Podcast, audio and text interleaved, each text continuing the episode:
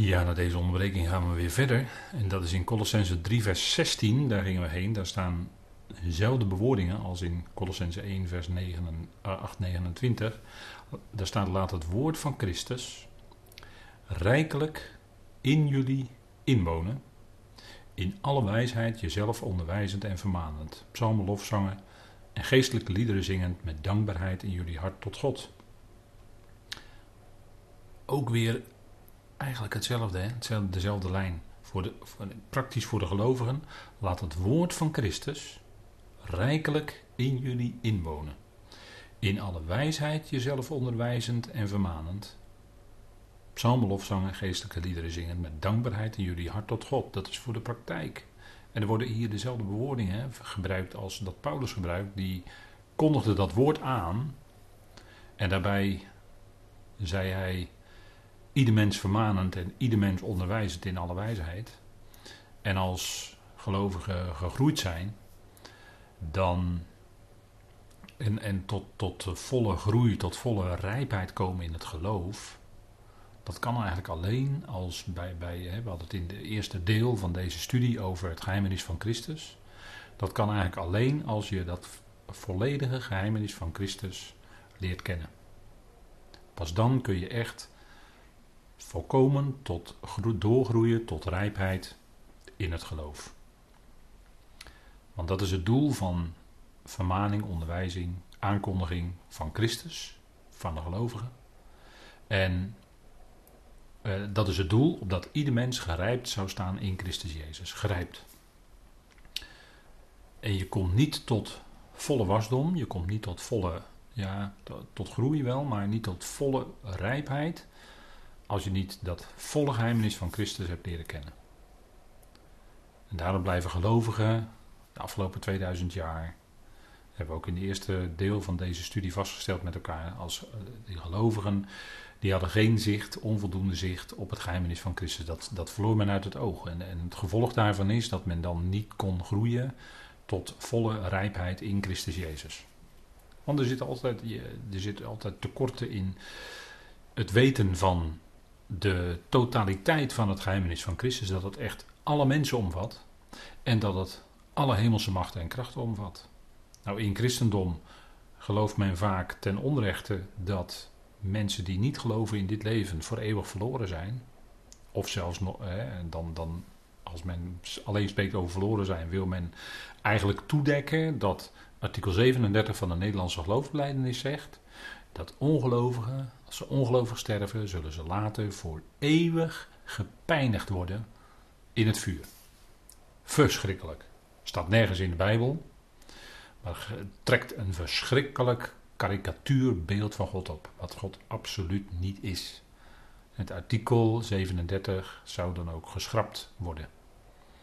Wat mij betreft eerder liever nog vandaag, had eigenlijk gisteren, eergisteren nog veel eerder al moeten gebeuren. En dat, dat doet me denken aan nog iets anders, wat eigenlijk ook veel eerder had moeten gebeuren. Dat is wat, uh, wat de protestantse kerken in Nederland nu willen doen in het kader van de komende herdenking van Kristalnacht. Die plaatsvond in de nacht van 9 op 10 november. Een verschrikkelijke, een verschrikkelijke pogrom in Duitsland en, en, en Sudetenland en dergelijke was dat tegen de Joodse mensen waarin veel synagoges werden verwoest, verbrand, waarin boeken werden verbrand. En iemand zei ook, als je boeken gaat verbranden, dan is de volgende stap dat ook mensen dat gaat overkomen. Dan, dan sluit je de mensen uit. En dat is ook natuurlijk letterlijk zo gebeurd. Door, die verschrikkelijke, door dat verschrikkelijke, uh, demonische, uh, waanzinnige, uh, moet ik nog meer bijvoeglijke naamwoorden erbij zetten, nazi-regime gebeurd is. Kristalnacht, herdenking. 82 jaar geleden, 1938. De nacht van 9 op 10 november was een zwarte nacht in Duitsland. Onder aanzet van Jozef Goebbels, de verschrikkelijke minister van propaganda, die de nazi's, de Duitsers aanzetten om dat allemaal te doen ten opzichte van de Joodse mensen. Verschrikkelijk. Dat wordt elk jaar herdacht. Dat wordt, wordt, terecht wordt dat herdacht. Zoiets verschrikkelijks. En in het kader van die herdenking, zegt nu hè, de, de Reuver van de PKN, die zegt: Ja, wij gaan onze, onze schuld beleiden, schuld bekennen ten opzichte van de Joodse gemeenschap. Nou, dat, hij, hij geeft ook zelf toe dat het eigenlijk te laat is. Ja, dat is ook te laat. Meer dan 75 jaar nadat Auschwitz-Birkenau bevrijd werd. Dan nog komen met uh, schuldbeleidenis van de kerken. En de verschrikkelijke vervangingsleer was daar een aanzet toe hoor. Want uh, in Duitsland uh, zeiden sommigen ook, hè, 10 november was de geboortedag van Luther. En Luther die heeft in zijn tafelgesprek aan het eind van zijn leven de meest verschrikkelijke dingen over de Joodse mensen gezegd, over Israël gezegd. Verschrikkelijk. En dat heeft mede ertoe geleid. Maar dat was ook in het kader van een, langjarige, binnen de kerken, met name de Rooms-Katholieke Kerk, een, een, een, zeer verderfelijke vervangingsleer.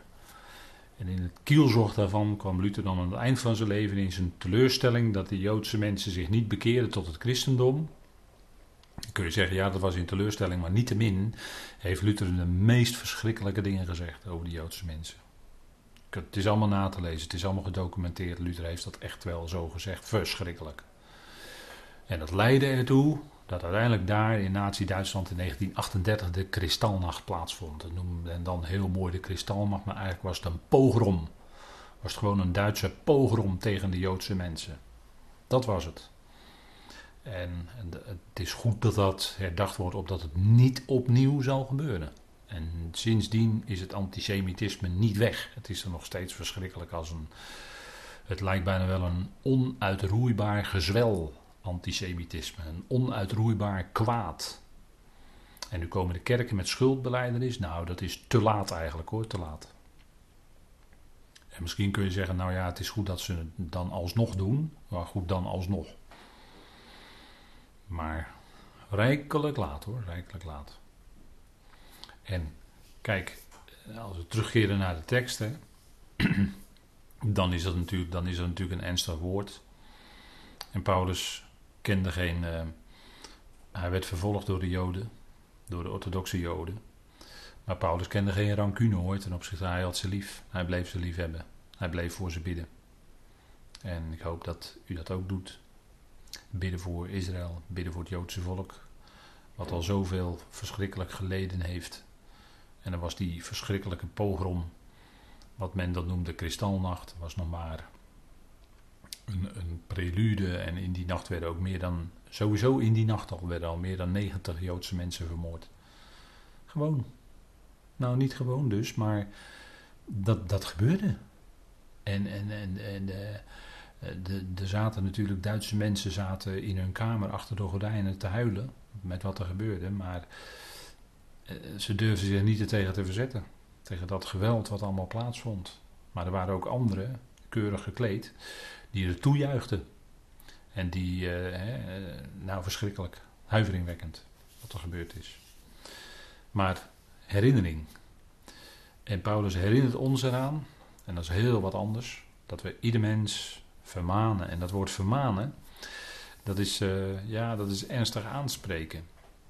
Ernstig aanspreken het denken rechtzetten. Is het eigenlijk, hè? Het is, uh, kijk, dat woord vermanen, ja, dat is, dat is uh, lastig, want uh, ja, je hebt dan toch altijd die gedachte erbij van het, van het opgeven vingertje, van je mag niet dit, want anders dan krijg je vreselijke straf, hè, zo erachter. Dat, dat, dat, dat zit altijd in dat woord vermanen, vind ik hoor. Maar eigenlijk staat er dan ook het denken rechtzetten of het denken plaatsen met de gedachte in de juiste richting. En daarop, eh, daar, daarom moeten gelovigen regelmatig ernstig aangesproken worden. niet om, om ze uh, met, met, met een stok achter de deur, met straf. Nee, we leven in genade. Dat kan helemaal niet. Maar wel ernstig aanspreken en eraan herinneren wat het Evangelie ook alweer zegt. Ieder mens onderwijzend, dat natuurlijk ook. Paulus was leraar. En en als het in de praktijk, als gelovigen dan gegroeid zijn, Colossense 3, dan zijn ze ook in staat om zichzelf. Hè, want vaak wordt er vertaald elkaar, maar eigenlijk staat er in alle wijsheid jezelf onderwijzend en vermanend. Dus als je dat evangelie leert kennen, dan is dat ook, hè, dan kun je ook vervolgens daarmee jezelf Want dat heb je ook nodig. Dat je jezelf steeds weer, als het ware, je, je leven, hè, uh, als het ware spiegelt in datgene wat Paulus zegt, wat Paulus schrijft. En, en daar je leven regelmatig eens langs legt. En nou, dan kun je zien hoe het gaat. En dan kun je, kan het best wel nodig zijn, denk ik, dat je jezelf onderwijst en vermaant. Opnieuw met die woorden van het geloven van het uitstekende onderricht van Paulus. en je kunt er ook met elkaar over spreken. en elkaar die woorden in herinnering brengen. zonder dat je eh, naar elkaar toe gaat met, met dat opgeheven vingertje. Want dat is helemaal niet als gelovige onderling aan de orde hoor. Kan helemaal niet. Je kan niet met een waarschuwend vingertje zo naar elkaar toestaan. Je bent toch allemaal gered in diezelfde genade. Je leeft toch allemaal van diezelfde genade. Nou, dan kan het helemaal niet zo zijn dat jij met de opgeven vingertje naar die ander eens even flink gaat vermanen. En eens even ander even flink de waarheid zeggen. Wie ben je dan wel dat je dat doet? We leven allemaal in genade. We zijn allemaal gelovigen, mede-gelovigen van elkaar medebroeders en zusters van elkaar. En laten we dan gewoon maar hierbij houden. Jezelf onderwijzend en vermanend. En, en zelf steeds dat woord, dat je oor te luisteren leggen bij datgene wat gesproken wordt uit de brieven van Paulus. Wat, wat Paulus schrijft. dat is uh, denk ik voor ons in de praktijk heel fijn. En dan, ja, dan, dan, als je dan die genade weer beseft, dan kan het ook niet anders dat psalmen, hè, nou dat woord psalmen, dat is, uh, ja, dat, dat is een beetje zo vertaald, maar dat betekent eigenlijk de snaren van je hart bespelen. De snaren bespelen. Dat is eigenlijk het woord wat hier vertaald is met psalmen. Door die genade worden die snaren van je hart bespeeld. Door die liefde van God, die werkt in je hart. En dan ga je zingen. Ja, lofzangen. En geestelijke liederen. Ja, ik, geestelijke liederen zijn liederen die voortkomen uit dat wat Paulus ons aanzegt. Liederen van de apostel Paulus. En in 2 Korinthe 5 heb ik onlangs uh, heb ik, uh, heb ik genoemd, heb ik genoemd, noem ik 2 Korinthe 5 is ook zo'n lied van de apostel Paulus. Hè? Ja, geweldig. Verzoening. Dan ga je daarvan zingen. Met dankbaarheid en in dankbaarheid zit dat woord genade. Hè? Met genade in jullie hart tot God zou ik bijna willen zeggen. Maar die genade stemt je ook dankbaar voor datgene wat je in Christus hebt mogen ontvangen. En door Christus. Draait allemaal om Hem en draait om Christus. Draait niet om ons. Daarom als we aangesproken worden, ernstig aangesproken worden, dan is Hij, Christus, die dat doet. Hoe? Door zijn woord, door die brieven van Paulus. Hij spreekt ons ernstig aan. Hij zet ons denken recht. dat, dat is denk ik een uh, fijn aspect. Christus, hij is de wijsheid van God, het draait om hem. Hij is gekruisigd, hij is opgewekt en hij zit aan de rechterhand van God. Alles zal onder hem komen als hoofd. Ons lichaam wordt gesteld tot. Je stelt aan je lichaam, je komt tot geloof. En je hoort die woorden en dat vult je hart met vreugde. Ja, en dan wil je je lichaam stellen tot levend, heilig en God welgevallig offer. Dat is dan automatisch het gevolg. Dat gaat in één moeite door, zou ik bijna willen zeggen. En, en geloof, hè, je stelt je onder dat gehoorde. Je stelt je onder dat wat je hoort. En dan zeggen wij, ja, dat is gehoorzamen. Hè, dat is, uh, Paulus noemt dat woord twee keer in de Romeinenbrief. Aan het begin en aan het eind. Geloofsgehoorzaamheid. Nou, dat is eigenlijk een bepaalde manier van spreken om aan te duiden hè, dat wat het gevolg is van wat je hoort, dat wekt geloof in je, dat doet God. En door dat geloof wil je je ook onder dat wat je hoort stellen. En dus onder die God die je hoort stellen. Hè. En, en God, ja, dat is een beetje lastig, hè, dat woord. Eh, ik las dat het woord eigenlijk een Germaans woord is van origine. En wat ook in het Oud-Indisch wordt gebruikt dat, dat, dat woord God op zichzelf, dat is gewoon taal. Maar dat, ja, wat heeft dat voor betekenis? Uh, in het Oud-Indisch bedoelen ze dan, als ze dit woord gebruiken, de, degene die je aanroept. En daar zit natuurlijk wel iets in van waarheid. Maar mensen roepen van alles aan. En ja, of dat uh, echt de God en Vader van onze Heer Jezus Christus is, is dan maar de vraag. maar het evangelie leert kennen. En als antwoord daarop God dankt en looft en prijst, dan is dat de God en Vader van onze Heer Jezus Christus, de plaatser. God is naar het Grieks de plaatser. Of de onderschikker, naar het Hebreeuwse woord, hè, al of eel. Opdat wij ieder mens, hè, Paulus kondigt Christus aan. En Christus is de wijsheid van God. Hij is gekruisigd, hij is opgewekt, hij zit aan Gods rechterhand. Die Christus, die kondigt Paulus aan. En dan zegt hij, ieder mens, aansprekend, ernstig aansprekend. En ieder mens, onderwijzend, in alle wijsheid, want het moet met wijsheid gebeuren. In wijsheid zou, zouden we dat doen, hè? zou de spreker, zou de evangelist dat doen. Opdat wij, zegt hij, ieder mens presenteren, gerijpt in Christus Jezus. En dat heeft alles te maken met wat ik net zei, dat dat volle geheimenis van Christus leren kennen, dat is belangrijk.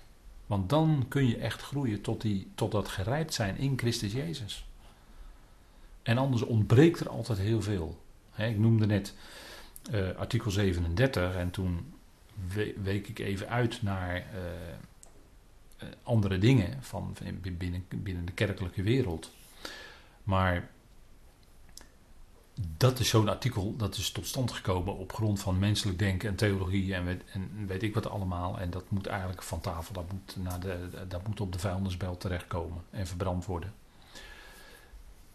Maar het punt is dat je ziet in, in, in, in, in de afgelopen honderden jaren zie je een terugkeer naar, en terecht naar het evangelie zoals Paulus dat brengt. En dat laat zien dat alle mensen erbij horen, dat al die hemelse machten en krachten erbij horen. En wat een enorme verandering brengt dat in een mens teweeg als je dat tot je doordringt, als je dat gaat beseffen. En dan kun je ook groeien naar het gerijpt zijn in Christus Jezus, want dan kun je van daaruit ook iedereen echt lief hebben.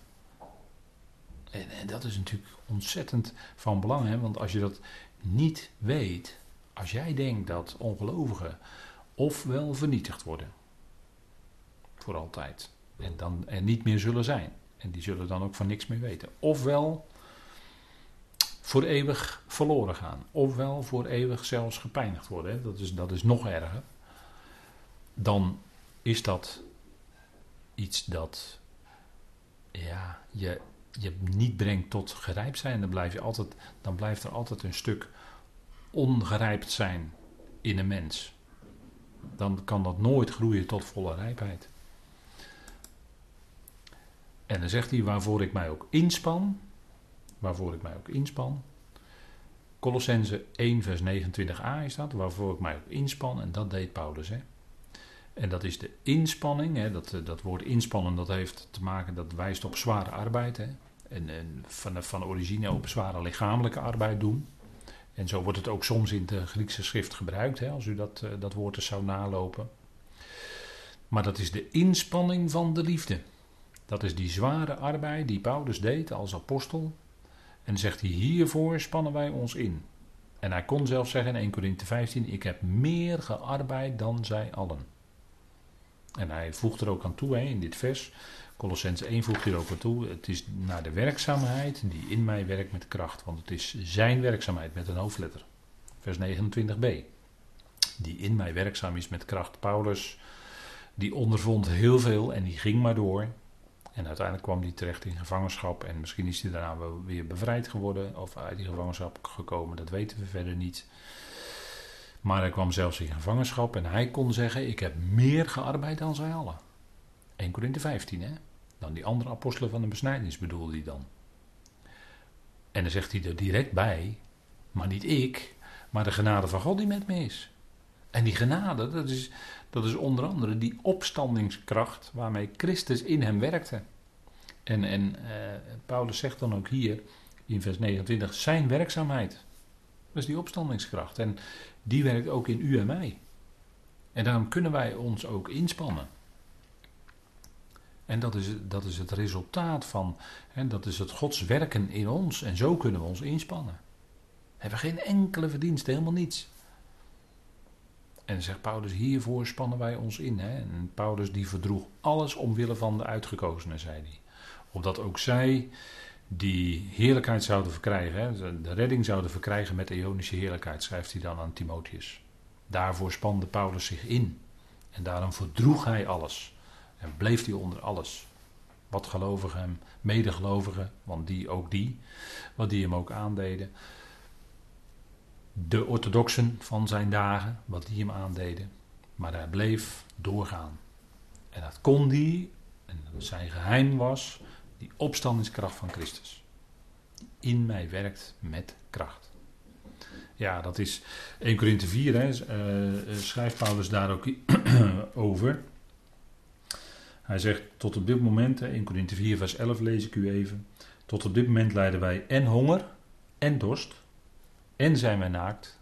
En worden wij met vuisten geslagen. En hebben wij geen vaste woonplaats.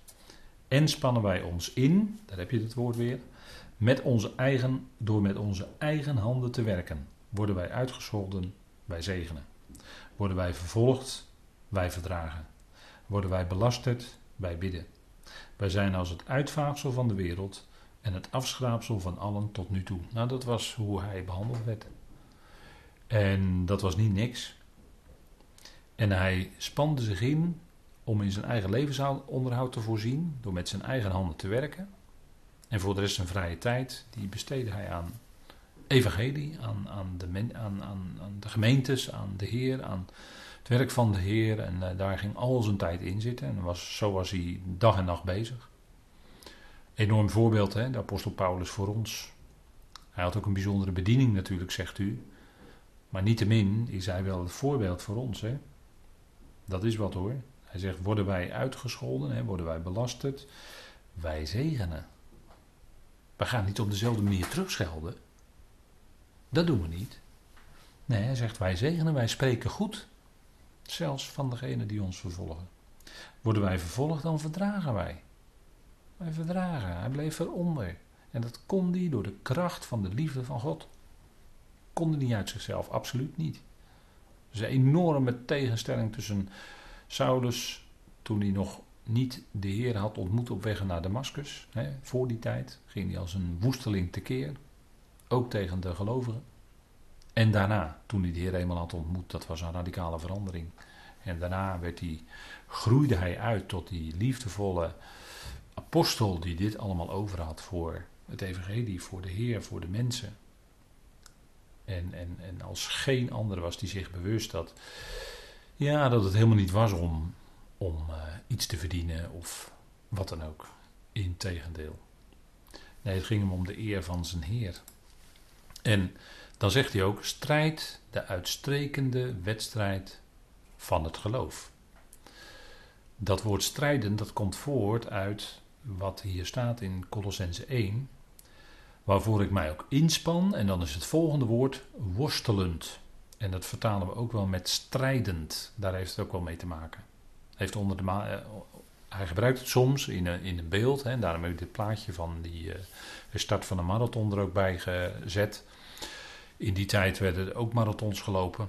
Maar uh, dat woord strijd werd ook gebruikt voor een wedstrijd, voor een sportwedstrijd waarin eh, dus heel veel voor getraind is en waarin ze zich zware inspanningen getroosten om die wedstrijd te kunnen winnen. Of misschien in, in de eerste plaats hem überhaupt te kunnen uitlopen als het gaat om een marathon. Dat is toch ruim 42 kilometer. En, en, ten, en, en voor, de, voor degenen die echt heel goed getraind zijn om te kunnen winnen. Maar daar moeten ze zware inspanningen voor verrichten. En dat beeld gebruikt Paulus, worstelend, worstelend, in overeenstemming met zijn werkzaamheid, die in mij werkzaam is met kracht. Daar gaat het allemaal om. Hè? Het gaat om de kracht van Hem. En zegt Paulus dat ook niet in Filippenzen 4. Ik vermag alle dingen hè, door Christus die mij kracht geeft. Die was degene die hem bekrachtigde. Hè, dat, dat, hij was dat. De Heer, Christus. Die werkte in hem met kracht. Nou, dat is heel veel. Dat is heel veel. En dat zegt hij ook. Uh, in, in, uh, en dat is dan uh, waar ik vandaag mee wil afsluiten. En dat is dan Colossense 2 vers 1. Dat hebben we aan het begin van deze studie niet gelezen. Maar Er staat wat ik wil dat jullie weten hoe zwaar de strijd is die ik voor jullie heb. En voor hen die la, in Laodicea. En voor diegenen die mijn aangezicht in het vlees niet gezien hebben. Paulus had zware strijd. Hij gebruikt het woord strijd ook hier. Hè? Hoe zwaar de strijd is die ik voor jullie heb. En voor degenen in Laodicea. Dus je ziet, hè, en ik heb hier een kaartje erbij gezet om te laten zien. Ja, dit was dan zijn laatste reis. Want hier gaat hij naar Rome toe. Dat is zijn laatst bekende reis die hij maakte. Voor jullie, Colossensen. En voor hen in Laodicea. En Colosse lag dan iets, dat staat niet op dit kaartje, maar dat lag iets ten oosten van Laodicea. Dat lag niet zo ver uit elkaar. En dat is in die provincie Azië, waarvan Paulus met verdriet moest vaststellen. Als hij aan Timotheus schrijft in 2 Timotheus 1, dat allen in Azië hebben mij verlaten. En daarmee ook natuurlijk, eh, het ging hem, was niet in de allereerste plaats mij, maar het, hè, want hij had ze allemaal lief en had daar ook verdriet over natuurlijk. Maar, en daarom was hij fysiek daar niet meer welkom. Maar, ze hadden zijn evangelie verlaten, daar ging het om natuurlijk. Daar gaat ook de gelaten brief over. die gelaten die woonden ook in, in, mede in dat aangrenzende gebied, hè, Azië, allen in de provincie Azië, nou dus het tegenwoordige Aziatische Turkije. In de provincie Azië hebben mij verlaten en daarmee is ook zijn evangelie. Ze hadden de genade verlaten, de zuivere genade. Ze waren dat gaan mengen met, met regels, met wet, met werken werken voor de Heer in plaats van beseffen dat het zijn genade is die het doet. Mijn genade is u genoeg, zegt Paulus toch ook in diezelfde Korinthebrief. Want kijk, Paulus werkte heel hard in dat evangelie. Hij heeft het hier over hoe zwaar de strijd is die ik voor jullie heb en voor hen in Laodicea. En dat had hoogstwaarschijnlijk ook te maken met wat ik net zei, met, met het loslaten van zijn evangelie. En het misschien terugschieten in het evangelie van de besnijdenis. En dat had Paulus misschien iets minder ernstig gevonden dan wat hij bij de gelaten moest constateren. Dat ze in een mengeling van die twee terecht waren gekomen, die gelaten. Wet en genade met elkaar mengen. Regels en genade met elkaar mengen. Dat, dat, dat gaat niet, dat gaat niet werken. En dan zegt hij ook, dat is geen evangelie. Dus die, die mix van die twee. En vandaar, hè, ik ben ervan overtuigd dat het daarmee te maken heeft ook, dat dat die zware strijd was was natuurlijk een geestelijke strijd. En, en natuurlijk, die wapenrusting had hij nodig en hebben wij nodig, omdat het een geestelijke strijd is. En, en, en dat was heel ernstig. En natuurlijk waren er ook gelovigen die in hun leven uh, een, een uh, ja, wat, wat de gevleugeld gezegde bijna geworden, hè, een liederlijk leven naar het vlees gingen leiden.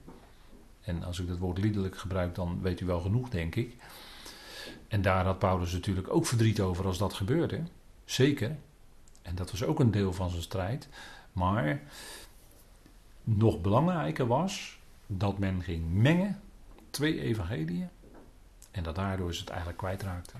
Daardoor raakte ze ook, en daardoor raakte ze dus ook de kracht kwijt om echt tot eer van vader te kunnen leven. Maar werd het weer vanuit het eigen vlees. Vroom vlees. Dat is ook vlees. En dat, kan, dat is niet tot eer van God. Dat is, hè, je roemt roemen in de Heer. Nou, dan ben je, hè, als je bezig bent vanuit je eigen vlees voor God goed, goed te willen werken, dan ben je heel vroom bezig. Maar dan ben je ook bezig met roemen op vlees hoor. Want in, goed, eh, gelaten brief, luister die, die, die studies nog maar eens na. Hè, dat, uh, daar, daar gaat het steeds over die dingen. Maar Paulus had een zware strijd. Voor jullie en voor hen in Laodicea. En dat was ook een strijd in gebed. Hij bad ook voor ze.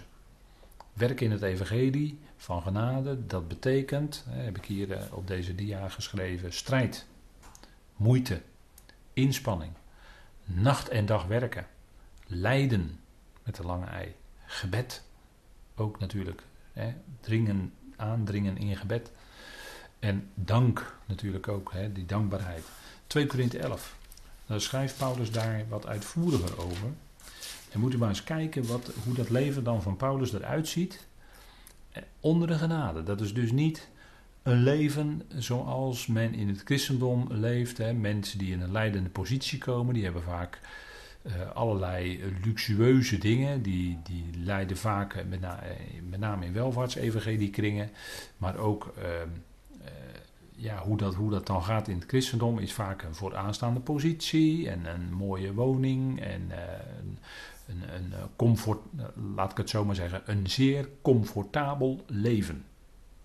Is dat het leven wat kenmerkt de apostel van de genade, waar, de, waar het lichaam van Christus door begonnen is, door Paulus, hè?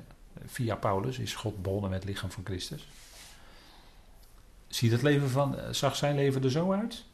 Een comfortabel leven? We gaan maar even lezen met elkaar. Ik lees u 2 Korinthe 11 en dat is uh, denk ik, dat zijn indringende woorden. Omdat velen roemen naar het vlees, zal ik ook roemen. Vanaf vers 18 hè. Want u verdraagt met genoegen de dwazen. Jullie zijn immers zo wijs. Dat is natuurlijk ironie, hè? Paulus spreekt hier met een zwaar ironische ondertoon. Hè? Want jullie verdragen het als iemand jullie tot slaaf maakt. Als iemand jullie verslindt, hè? als iemand jullie opeet. Als iemand jullie wat afneemt. Als iemand zich boven jullie verheft. Als iemand jullie in het gezicht slaat. En dat gebeurt. dat gebeurt nog steeds. Dat mensen geld uit de zak getroggeld wordt. Dat mensen zich, uh, dat predikers zich boven anderen gaan verheffen. En de baas gaan spelen. En uh, uh, een soort tyrannieke heerschappij gaan voeren. Gebeurt allemaal in gemeentes hoor, ook vandaag aan de dag nog. dit, dit wat Paulus hier schrijft, dat gebeurt vandaag aan de dag nog steeds. Als iemand jullie in het gezicht slaat, niet, niet, misschien niet letterlijk, maar dan figuurlijk met woorden. En dat verdroegen ze. Ja, tot oneer zeg ik dit jullie. Wij zijn zwak geweest. Maar waarin iemand ook durf toont, ik spreek in dwaasheid, toon ik ook durf. Zijn zij Hebreeën? En nu, wordt, nu is die heel scherp hoor. Want kennelijk waren dan mensen uit de besnijdenis die ook daaronder vielen, hè, wat Paulus net in diverse gezegd heeft. Waren er ook predikers die zich zo opstelden? Kennelijk, hè, kennelijk, als ik hier de context bekijk. Zijn zij Hebreeën? Ik ook. Zijn zij Israëlieten, waar ze zich misschien op voorstonden? Ik ook. Zijn zij nageslacht van Abraham? Ik ook. Zijn zij dienaars van Christus? Ik spreek als een waanzinnige. Ik boven hen. In ingespannen arbeid veel vaker. In slagen boven mate. In gevangenissen veel vaker. In dood, vaak in doodsgevaar. Van de Joden heb ik vijfmaal de veertig min één ontvangen. En dat waren naar de wet Leest u het maar na. Deuteronomium 25, vers 3. Daar wordt gesproken over als iemand gestraft moet worden, is het 40 slagen. En de Joden deden dan zekerheidshalve dat ze die 40 niet wilden overschrijden, want er werd ook iets van gezegd in de wet. Dat het anders, anders zou die anders verachtelijk worden in je, in je. Daarom deed men de 40 min 1 waarschijnlijk stokslagen. En dat wordt ook door uh, Flavius Josephus uh, wordt dat ook uh, bijvoorbeeld vermeld dat het gebeurde. En Paulus die zegt vijfmaal de 40 min 1 slagen gekregen. Vijfmaal. 39 slagen op de rug. En dan zegt hij van de Joden. Driemaal ben ik met een roede gegezeld. En zo'n Romeinse gezel uit die tijd, dat was niet niks hoor. Dat waren leren dat was een, uh, een soort, uh, ja, hoe moet je dat zeggen? Een soort, uh, soort zweep werd er dan gemaakt die je in je hand kon houden met leren, leren touwtjes. En daar zaten dan metalen dingetjes aan. En dan werd de rug werd, ontbloot en dan werd er, moest men ook krom staan, want dan, dan is het nog effectiever. En dan sloeg men. Dat was geestelijk in die tijd. Er werd de hele rug opengeslagen. Nou, dat is Paulus overkomen. Driemaal ben ik met de roede gegezeld. Eenmaal ben ik gestenigd. dat was bij Lystra. Driemaal heb ik schipbreuk geleden. Een nacht en een dag doorgebracht in een moeras, staat er dan eigenlijk. Op reis vaak in gevaar door rivieren, in gevaar door rovers, in gevaar van de kant van volksgenoten, In gevaar van de kant van de natieën, in gevaar in de stad, in gevaar in de woestijn, in gevaar op zee, in gevaar onder valse broeders. Notabene. Overal waar hij kwam, loerde het gevaar. Niet dat Paulus daar nou uh, heel angstig voor was, maar hij was wel op zijn hoede. Steeds weer. In inspanning en moeite, vaak in nachten zonder slaap, in honger en dorst, vaak in uh, vasten, hè, vasten is letterlijk het woord niet eten, in koude en naaktheid. Afgezien wat van buiten afkomt, overvalt mij dagelijks de zorg voor alle gemeenten. Als iemand zwak is, zou ik dan niet zwak zijn? Struikelt iemand, zou ik dan niet branden? Als er geroemd moet worden, dan zal ik roemen in mijn zwakheid. En dat heeft Paulus dan net gedaan, hè, door dat allemaal op te sommen. En, en anderen zeiden misschien, nou, uh, moet je kijken, hij is dan apostel, moet je kijken wat hem allemaal overkomt. Zwak hoor, zwakheid. Ja, nou, Paulus zegt dat hier dan ook ironisch. Hè. Ik roem in mijn zwakheden. Hè, de, de, dingen, de, de dingen van zwakte. Daar roemde hij in. En dat was dat lijden, dat enorme lijden, schrijft hij hier uit. Hè. Lijden omwille van het evangelie. Lijden omwille van Christus. Dat overkwam Paulus op een enorme manier. De God en Vader van onze Heer Jezus Christus, vers 31, die te prijzen is voor de eonen, weet dat ik niet lieg. In Damascus liet de stadhouder van koning Aretas de stad van de Damascenus bewaken omdat hij mij gevangen wilde nemen. En door een venster werd ik in een mand, door de muur, neergelaten en ontvluchtte zijn handen. En dat was mede door toedoen van de neef van Paulus. Hè. Lees u maar na in Handelingen. Er staat dat hij uh, door de muur ontsnapte. En als het zo in handelingen staat, dan zou je zeggen, nou hoe kan dat nou? En dat is ook wel eens natuurlijk door uitleggers uh, of door mensen belachelijk gemaakt. Nee, dat was helemaal niet zo belachelijk. Er was gewoon een venster. En zo in die muur. En zo kon hij door die muur heen ontsnappen. Geeft hij hier toelichting op. Hè? Nou, dit was het leven van Paulus. Dit is het leven van de apostel die de genade zo mocht verkondigen. En dan sluit hij af. Dan sluiten we vandaag echt af met uh, diegenen die mijn aangezicht niet gezien hebben in het vlees. En dat zijn u en ik ook. Al diegenen.